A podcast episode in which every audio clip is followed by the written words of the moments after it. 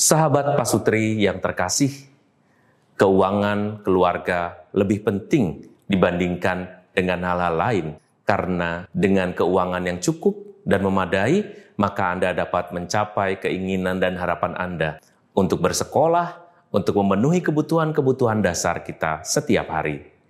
Tetapi keuangan juga yang sering kali membuat kehidupan menjadi rapuh, relasi menjadi buruk, dan bahkan beberapa kejadian menunjukkan bahwa keuangan sering menjadi alasan bagi pasutri untuk berpisah. Kenapa kita harus berpisah untuk sesuatu yang sebenarnya adalah kebutuhan dasar? Mengapa untuk makan Anda harus meninggalkan keluarga?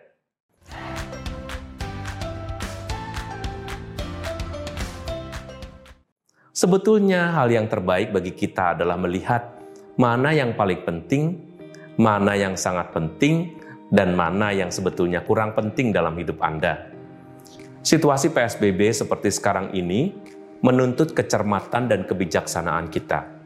Kita tidak dapat begitu saja membuang uang atau mengeluarkan uang kita untuk kebutuhan-kebutuhan yang hanya kita rasa penting, tetapi sebetulnya bukan sesuatu yang pokok.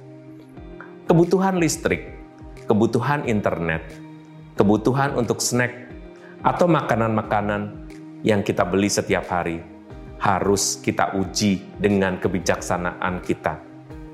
Karena situasi berubah, karena pemasukan juga berkurang, atau bahkan kita bisa tidak mendapat pekerjaan, atau kita tidak lagi bekerja. Apa yang harus kita lakukan ketika keuangan di dalam keluarga menjadi suatu problema yang cukup besar dan dapat menjadi badai dalam sebuah keluarga.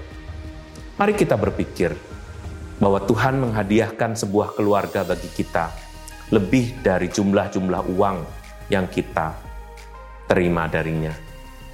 Kita menerima keluarga kita lebih besar dan lebih menggembirakan, apalagi kalau itu dilakukan bersama-sama Seringkali kebutuhan ekonomi dan kebutuhan untuk merasa dicintai dirasa berseberangan. Ada orang tertentu yang menjadi jengkel kepada suaminya karena suami tidak bekerja. Ada lagi seorang suami yang merasa jengkel dengan istrinya karena merasa istri hanya menghambur-hamburkan uang. Semua hal dapat diukur, semua hal dapat dilihat, tetapi yang terbaik adalah mengukur dari diri kita sendiri Apakah kita tergolong orang yang kurang bijak dalam menggunakan uang, atau kita tergolong orang yang berhati-hati, atau kita tergolong orang yang pelit dalam menggunakan uang? Mari kita lihat dari kehidupan sehari-hari. Kebutuhan anak-anak yang bertambah, kebutuhan sekolah yang bertambah, karena ada kebutuhan akan internet, itu juga akan menambah semua pengeluaran kita maka lihatlah mana yang lebih penting dan mana yang kurang penting, mana yang sangat tidak penting. Kita harus pandai dan bijak. Kita tidak perlu membeli baju baru karena tidak ada pertemuan-pertemuan besar yang akan kita hadapi. Kita tidak perlu makan makanan istimewa hanya karena ingin dilihat sebagai seorang yang mampu. Ambillah segala sesuatu dengan sederhana. Ajarilah anak-anak untuk membuat pengeluaran dengan bijak sejak mereka muda. Kebaikan orang tua akan menular kepada anak-anaknya, tetapi jika orang tuanya memang bukan tipikal orang yang bijaksana, mengajar pun menjadi hambatan bagi mereka, karena mereka hanya berkata-kata tetapi tidak bisa melaksanakannya. Keluarga yang bijak di masa pandemi ini juga adalah keluarga yang mampu membuat usaha alternatif, membuat karya-karya baru secara online. Mungkin caranya biasa, tetapi jika kita melakukannya secara online, menawarkannya dengan cara kekinian, barangkali kita akan dapat memenuhi kebutuhan kita dan mendapatkan pemasukan yang lebih banyak lagi. Kita menambah kuota internet, tetapi kita juga harus menambah pemasukan kita melalui internet itu anda bisa memakainya dengan memasukkannya pada media-media sosial. barang-barang yang mungkin Anda jual. Jadi kebalikannya, kalau kita menggunakan internet untuk melihat barang-barang lalu kita membelinya, pengeluaran akan bertambah. Tapi kalau kita menggunakan internet untuk menjual barang-barang yang kita punya, apalagi dari kreativitas kita, maka kita akan mendapatkan lebih banyak. Ada lagi nih, kalau kita mau melakukan segala sesuatu bersama-sama, barangkali itu akan jauh lebih menguatkan.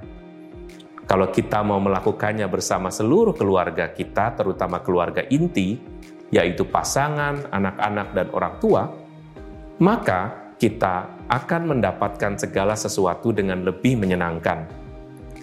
Buat apa mendapatkan tambahan pundi-pundi kalau kehidupan rumah tanggamu rusak? Anda mengira kebahagiaan Anda hanya terletak pada harta? Anda salah apalagi kalau Anda mempunyai anak-anak. Mereka juga siap menjadi hakim atas kehidupan rumah tangga kita. Sahabat Pasutri yang terkasih, mari mengajari diri kita menjadi sabar, cerdas, cerdik, dan lebih kreatif. Karena kita tidak tahu sampai kapan semua ini akan berlangsung. Tetapi bukankah seorang yang cerdik dan seorang yang bijaksana tidak akan mati langkah menghadapi situasi-situasi yang bermacam-macam. Saya percaya Anda juga akan mendidik putra-putri Anda dengan baik kalau penggunaan keuangan Anda terjamin karena Anda bersikap bijaksana. Mari memulai suatu usaha.